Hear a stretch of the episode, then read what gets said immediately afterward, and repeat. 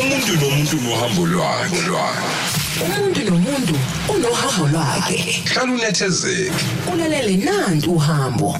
Singena kulona hambo lwethu kade ke sikuthembisa mlelo cause FM ukuthi ke soba nayo Musa Njogo studio namhlanje. Angisho nje ukuthi ifikile imbali iqhakazile kumhlophe qwa e studio sethu kuhlangene imbokodo namhlanje. Hayi suka ngiyakutshela wena ngiyakutshela wena imbokodo egaya ngampela ihlangene namhlanje. Singena kulona uhlelo lase sithi khona uhambo. Sizobuka uhambo lalwentokazi umusa wakanjogo osekhona la kuthina. Mina ngifuna uqala nje Musa ngibuze ukuthi wenze ngani? Angifuna nokuqala ekutheni uzalwapi ubuyapi wazalwa nini? Ngifuna ukuthi emva kweminyaka eminingi kangaka wenze ume kanjani? Bese sibuyele emuva la waqala khona. Ngiyababingelela bonke abalaleli bokhozi mazethe Thembeka. Kuyintokozo enkulu kakhulu kakhulu kakhulu for me ukuthi ngibe khona la namhlanje. Ngenze kanjani? Ngizothi nje idwala lami la engakhishwa khona. Kahle kahle into ekwaze ukungimisa ukwazana noJesu ukuthi ngizazi ukuthi ngingubani kuNkulunkulu. Okuwukuthi noma ngabe yini enye eyenzakalayo uma ngibuya ngibuyela to self ngibuyela kuNkulunkulu. So amandla ami okwangempela ngempela ngempela ngempela.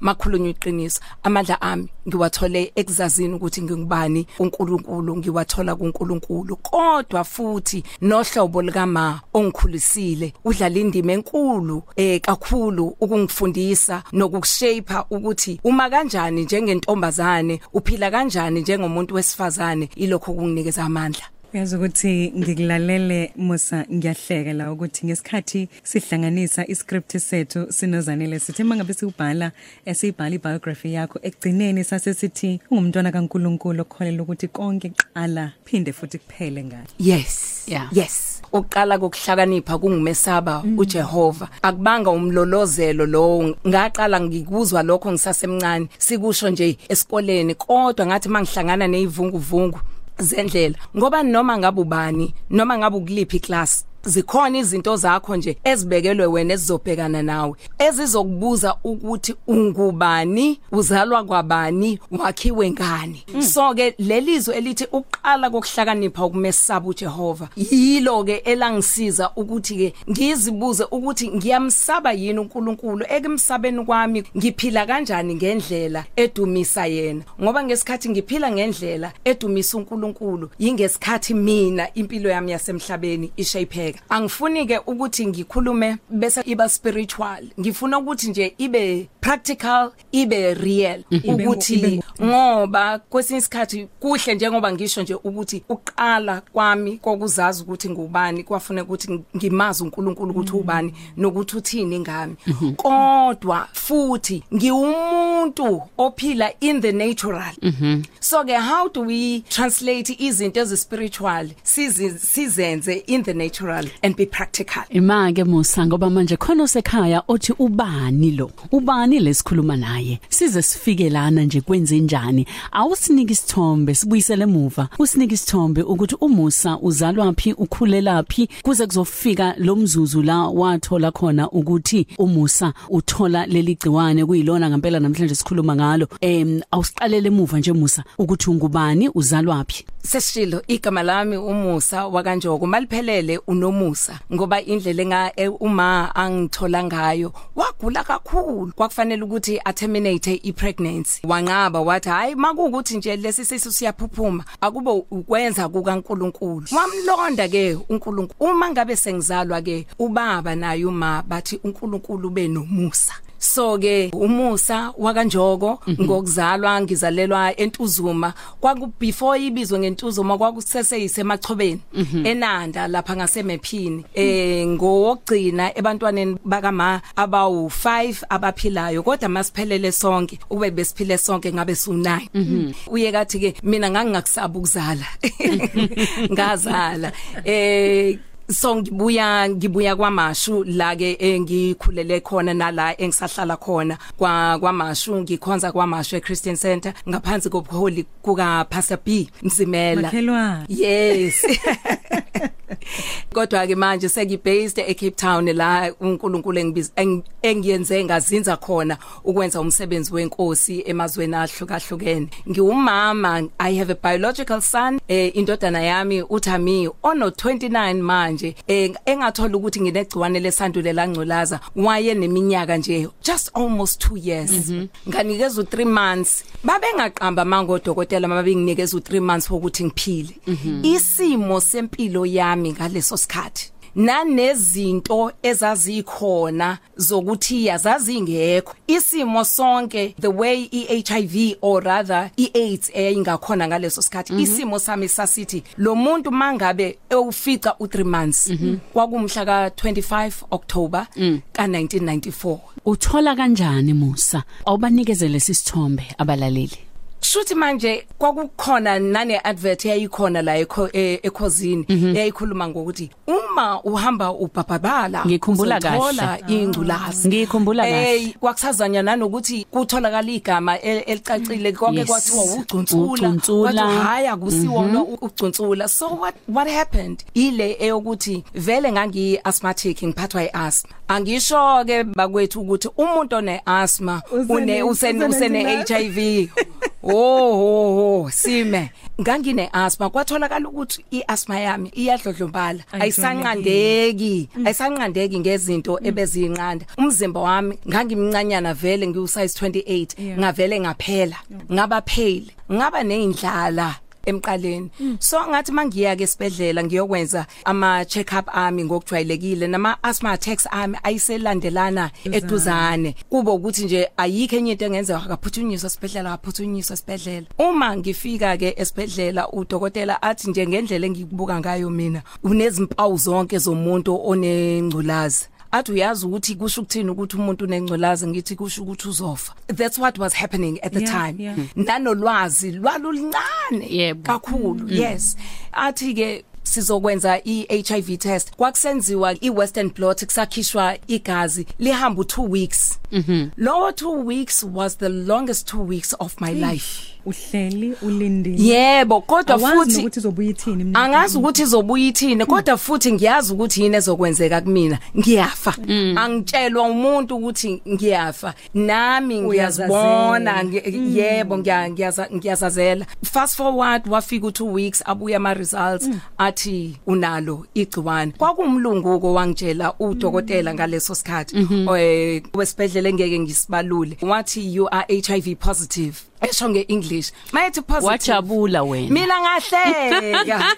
Oh, kusiyami ngahleka. Angithi ngisho lokushini mangabe positive. Positive zihamba kanjani? uthi nje Positive. yes zihamba Yep. kahle. Hayi udokotela wavele wabona ukuthi hayi kushuthi lo use- sekonakele nasengqondweni. Em wabuza ukuthi uhlekani ngithi mina hayi uthi positive. Athi hayi lokho kusho ukuthi likhona igciwane. Ngoma ngaleso sikhathi ngakhala ngakhala nga- ngacabanga ukuthi khona enye into azo- azoyisho wase yachaza ukuthi ke njengoba ke se- sesiconfirmile ngempela futhi ayisekho into esokwazi ukuyenzela yona la esibedlela noma ungaqhubeka uze la esibedlela kodwa ayikho into esokwazi ukuthi sikusize ngayo. Buyele ekhaya uyobatshela ukuthi unalesi sifo ungahamba nominini ngaleso sikhathi ngineminyaka ewu22 impilo nyaka. u1994 umfana wami uzohlanganisa u2 years ngenyanga ezayo uNovember. Ubuyela ke kanjani ekhaya uyotshela abantu ukuthi uyafa? Nengane yakho nansi la. Kodwa into eyayisiyenzekile eyenza ukuthi kube nzima kakhulu yile yokuthi even before kuconfirmwe ukuthi nginegciwane abantu basebeqalile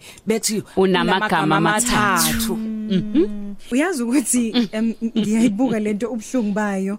1994 eningizimu Afrika Nazo. ivumeleka ngokusemthethweni ukuthi ayike senikhululekile nani seningakwazi ukuthi nivote nizikhethele nini uhulumeni wenu. Wena uzozwa indaba ezithi angeke uyienjoy le freedom ngani ngoba uyahamba. Yes yes. Futhi futhi thembeka ngaleso sikhathi mawucabanga into ye HIV neAIDS kwakuyisikhathi okufiwa ngempela.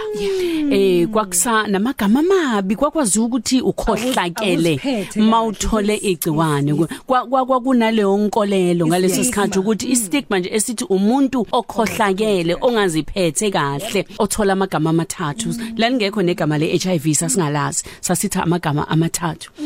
Wayithola ke lento Musa wase uba nesibindi ngoba manje ngibona isikhathi kanti ngifuna ufike la uzocushisa abantu ukuthi kumiwa kanjani. Mina ke ngikhumbula umzuzu eh, uyafika la emsakazweni isibindi sentombazane encane ezoltshela izwe ukuthi yona inaleli gciwane kanti lento yinto imindeni eyayifihla kwakufihlwa ngisho umuntu egula thembeka wayevalelwe ekameleni angavezwe emphakathini angabonwa. umuntu angavakashela ngisho bekuthiwa ubukhonze bandleni elithile lalingavunyelwa ukuze kuzokubona ngoba kuthiwa yihlazo lomndeni. Isibindi Musa sokuthi uphumele obala utshele izwe umncane kangakayana wasithathaphi? Uyabona nje nami ngike ngiyibuza ukuthi ngempela ngempela ngempela lesivuvu engangihamba naso nalamandla inkani njengoba ngisho ukuthi ngeke ngizibuza ukuthi ngangingenwe yini? Kusho ukuthi lo owayekhulumile kimina uye wanginikeza amandla ngakwazi ukwenza into engayenzi ilogic. Yebo ngoba ilogic yayithi Uzobulawa. fihla. I'm sure nawe Fihla. awutshela ukuthi hayi ngempela kusho ukuthi siyahamba ingqondo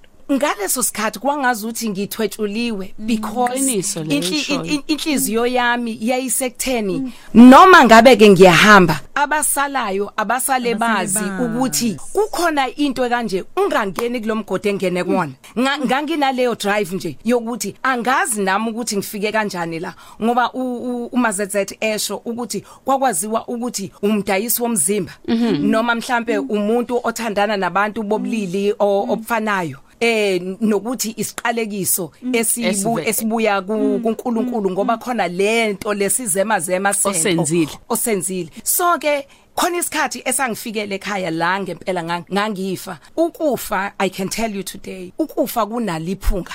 Ukufa kunayo ipresence. Makuthiwa kwadlula ingelosi yokufa in E-Egypt. Egypt. Listen ingelosi yokufa i experienced it Yeah. eh endlini. I knew akekho kwakudinga ukuthi angitshele. Ngalelo langa ngangazi ukuthi ngiyahamba. And then ngase ngena kuyi closet I was too weak. Kodwa ngangena kuyi closet ngathi ke uNkulunkulu ngifuna ukukwazisa ukuthi ngijabhe kangakanani ngawe?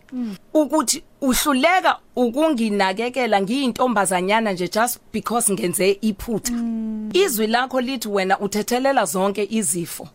Ab- uthethelela zonke izono. Uphilisa. Uphilisa. Uphilisa zonke Zonke izifo izifo. zethu. manje lokhu konke esengikuzwa ngawe se izwi lakho kushuthi kanti akusilo yini na?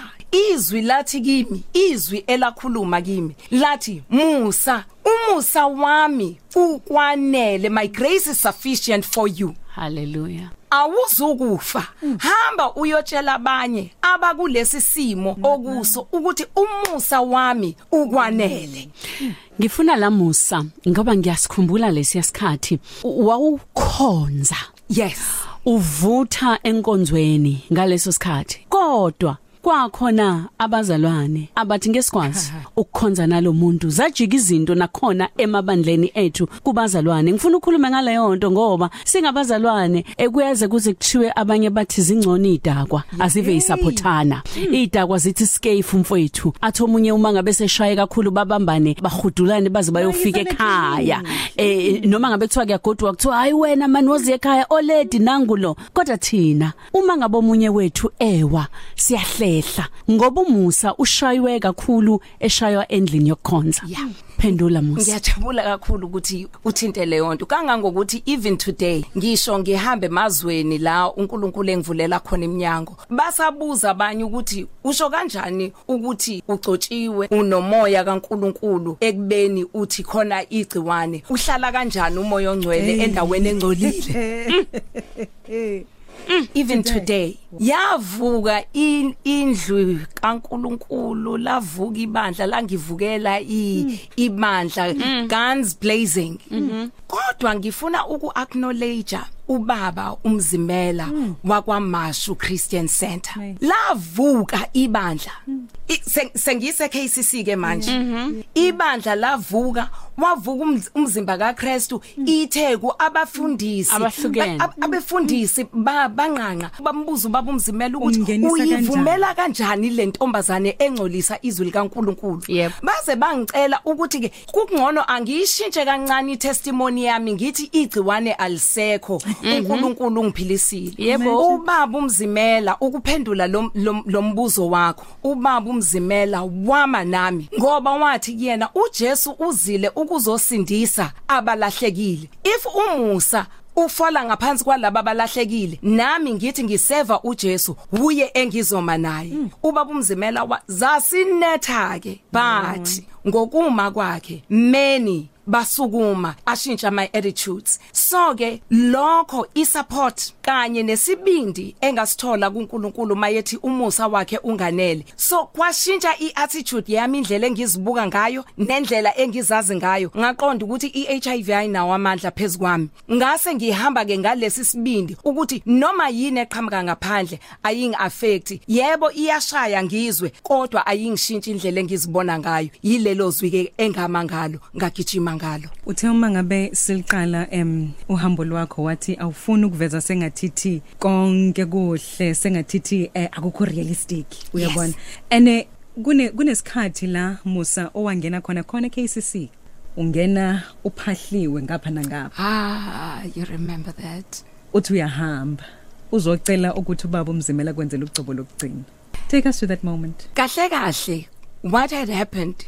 Uma sesifika ku- kule kuleso sigaba enyangene ezimbalwa ezaz- ezazidlulile. Yeah. ngangikade ngiadmithiwe esibedlela ngase ngirecover ngesikhathi sengihamba ngewheelchair ngigqoka ama pyjama ezingane o o 14 to 14 to 15 kuyi wheelchair kufanele kufakwe ama continental pillows kuze ngikwazi ukuthi Hlala ngi- ngikwazi kahle. ukuhlala ngifithe kwi ngifithe kwi kwi Kwi-wheelchair. kwi wheelchair ngangikade ke ngiadmithiwe ngine bone marrow TB ngangazi mina ukuthi iTB kukhona ngisho neyamathumbu kanye neyemaro so ke obaba umzimelwa noma no no pastor Dube ba flyer kwathiwa uma ningafiki in 4 hours ngeke nisamfica lo muntu. Ningabe nisa drive ukusuka eThekwini. Bambani indiza kwabanjwa indiza. Uma wagibela ibhanoyo kokuqala kwayiwa eh, egoli esibedlela la ngiadmitwe khona kuthiwa wozani nizomenzela umcobo wokugcina. Bafike bathandaza. uNkulunkulu wenza isimanga. Bangidonsa ethuneni. Ingakho mangithi ithuna selinqotshiwe. uJesu wami uyaphila.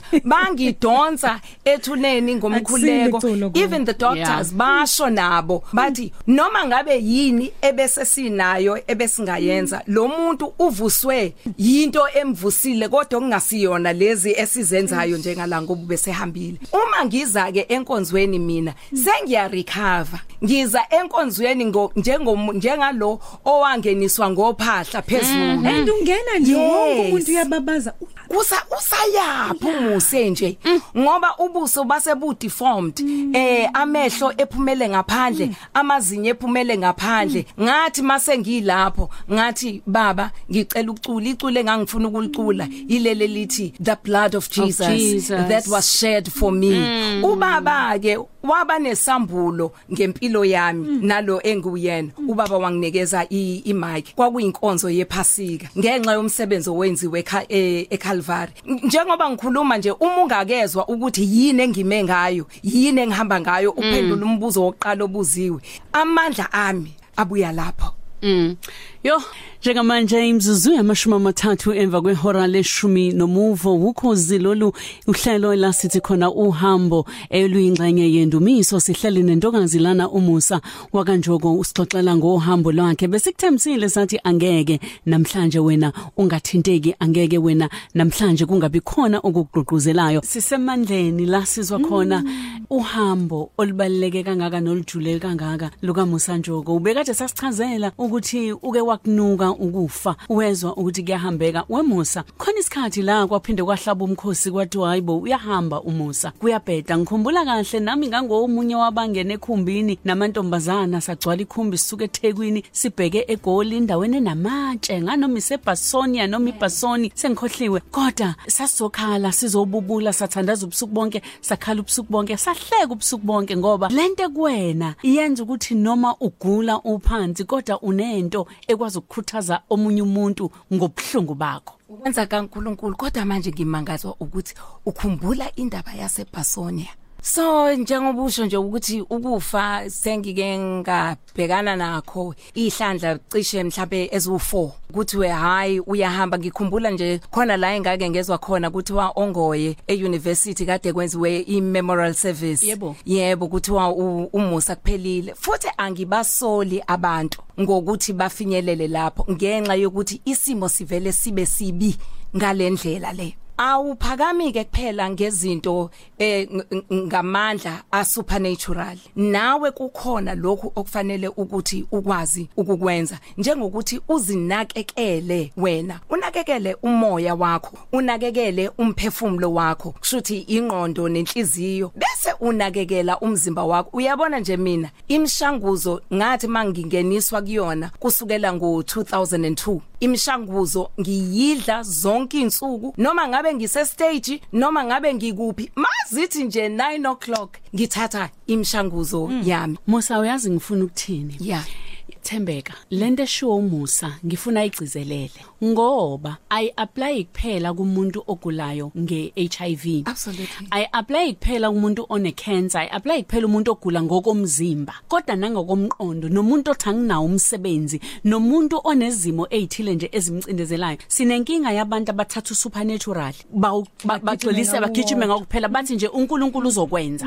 Sina inkinga yabantu abathatha okomuntu. Yes. abathi ngamandla ami ngemfundo yami Yes. nangokwazi kwami kuzokwenzeka. Sidinga abantu abazohlanganisa lezi zinto ezimbili usuper awusebenzi uwodwa no natural Yes. uba usuper natural ngoba kusebenza kokubili. Nazo. ngamanye amazwi uNkulunkulu nami kukhona ofanele kwenziwe yimina okwenziwa umuntu. Uma ngingasebenzi kumele ngibhale iCV kumele ngifunde kumele ngingqongqoze bese uNkulunkulu eyangenelela. Uma ngigula kumele ngikudle okudliwayo ukuze uNkulunkulu angenelele. Akubu super natural sikuthathe kokubili. Ungahlali uthi angiyiphuza imithi angenzi lutho ngoba uNkulunkulu uzongenelela. Cizelela lapho Musa ngoba wena une practical example yokuthi yenziwa kanjani lento bahambile abantu masethet. Bashonile abantu. Sithandazile safasta. Inkinga nani nakuthi ke mase sibuyela ebandleni sigijime no supernatural kuphela kanti uNkulunkulu usinikezile ukudla. Lokhu akwakhile ngoba wayazi ukuthi inyama le iyakudinga. iyakudinga. Uyabona eh njengoba ngisho ukuthi ama ama ARVs ngiwaqale ngo2002 lokho kusho ukuthi ngicishe ngino 8 years before imshanguzo yayingekho. Kodwa ukudla kukhona. Ukudla kwakukhona. So ke mina ngangithatha ke ukudla ngangiya e library you know kunabantu abacabanga ukuthi ngangifunda nabe medical school e UKZN ngoba ngangihamba ngiyo researcher ukuthi izinto zinike ezidingwa inyama yomuntu. So ngiyazi ukuthi so ukudla ukudla okunempilo okuphekwe ngendlela eyiyo. Ngoba ungakudla ukudla okunempilo kodwa uthola ukuthi ukupheke waze wakubulala. Okungaphezulu kwalokho ngenxa yamandla a supernatural now. Mina bese ngiyathandaza phezulu kokudla ukuthi wena lokhu uNkulunkulu akwakhela ukuthi ukwenze emzimbeni wami ngithi kwenze egameni lika Jesu. Kanjalo nama ARVs mase ngiwathatha ngithi wena ama eh, antiretrovirals egameni lika Jesu uzokwenza lokhu odalelwe ukuthi kwenze kona ngiwadle. Abantu abaningi ngoba ibandla lika Kristu lijahe itestimony ethi awusenayo iHIV sithi abantu aba nje umuntu adle mhlawumbe imshanguzi inyangane uma ngabe se- seli undetectable umuntu usehamba uyofakaza lapha phambili uthi igciwane igciwane alisekho. Ngaphambi kokufakaza wethembeka. Khona isikhathi la umusa aba undabuzekwayo wagcwala amaphepha ukuba kwakhona social media ngabe wayigcwele wona. Kwathiwa udlala ngathi. Yes. mbuku semuhle kanjani? Uthengiwe lo. Ayikho into ethiwa iHIV abelungu bambhatele bamkhokhele ukuthi ahambe ekhuluma lento ethukwa izinhlamba zangempela kushiwo kuthiwa cha udlala ngathi lo ntombazana wezanele manje wena ngathi we on- on- akabhali bibliography Seng- sengingayibhala lencwadi yakho. Angithi njengoba ngisho nje ukuthi ke imilomo yabantu nolimi lwabantu abantu kube babekwazi ukungibulala ngezandla ukuthi una unamanga uthengiwe udla imali. Uma unalo igciwane abantu baye kuleyo level. Uma ngempela unalo igciwane awufingani pho?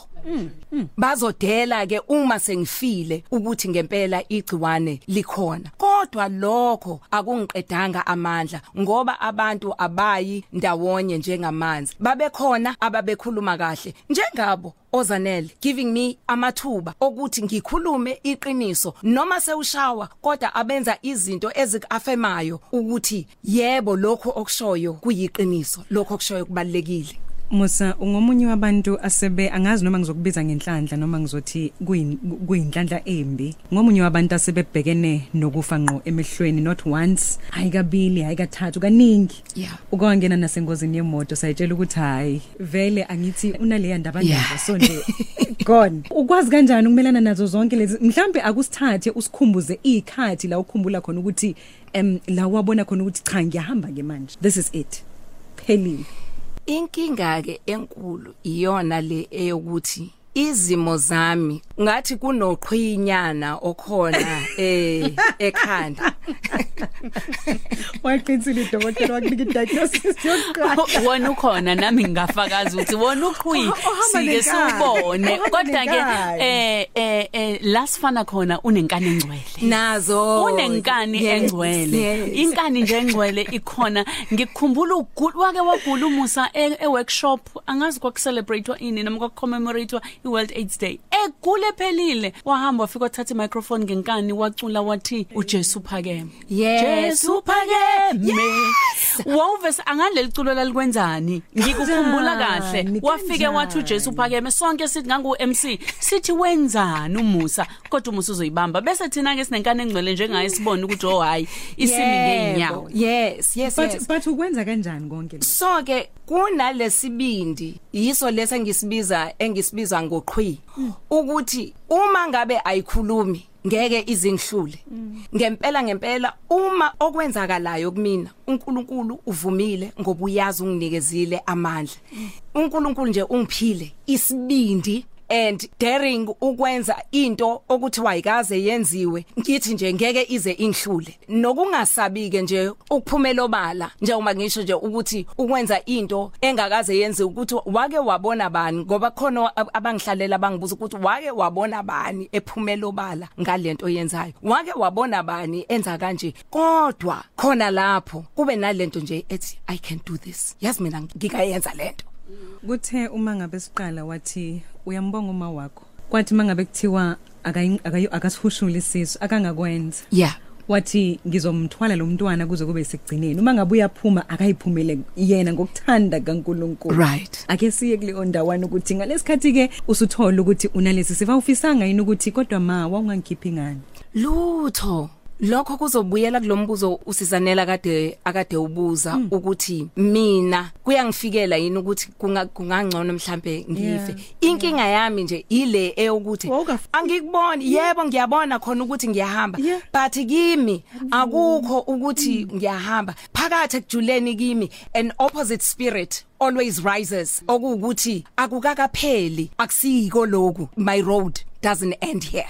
Uyazi Musa umsebenzi wami njengamanje njengocoach and a speaker la sihamba khona siya isikhanselisha abantu abaseyimweni ezithile inkinga enkulu kusuke ngekona ukuthi angakwazi yini ukwenza kodwa ukukholwa ukuthi yena Yes. umqondo wakhe imindset yakhe uyakholwa yini ukuthi nginawo amandla okwenza lokhu engifuna ukwenza wena ukhuluma ngomqondo wakho oguquliwe okwazi Yes. ukuthi ukholwe uzukhole nokungaphezulu lokho abantu abathi hayi cha akasaphilile la uyazi uthi ngesikhathi u- usanda kudiagnose wahamba wayekhoneni wayolahla kuJehova wamkhumbuza ungikhumbuza uHezekiah kuIsaiah 38 Oh. eh uma ngabe uIsaiah umprofeti esefikile emtshela ukuthi cha kuthiwa uzofa thiwa wabheka odongeni wabheka obondeni Yes. wathi inkosi ngikwenze konke. Yes. ngizamile ngikwenzele okuhle. U- u- u- ungithatha kanjani? Ungikhumbuza lokho. Kodwa kwesibili uJesu i think uJohn 11 uma ngaphosisi kuLazarus uma ngabe sefile bayambiza kezi kodwa ube sethi mayisefikile uthi lokugula Yeah.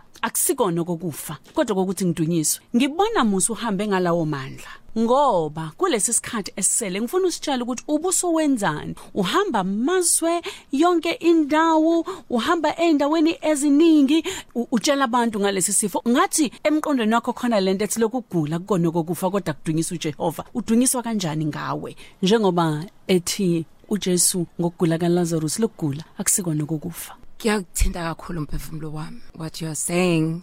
Ngoba ngokwami ngenza lokhu engicabanga ukuthi kudinga ukwenziwa ngisho lokho engicabanga ukuthi kudinga ukushiwo uNkulunkulu lokho kuprova ukuthi izwi lakhe ngempela liyiqiniso.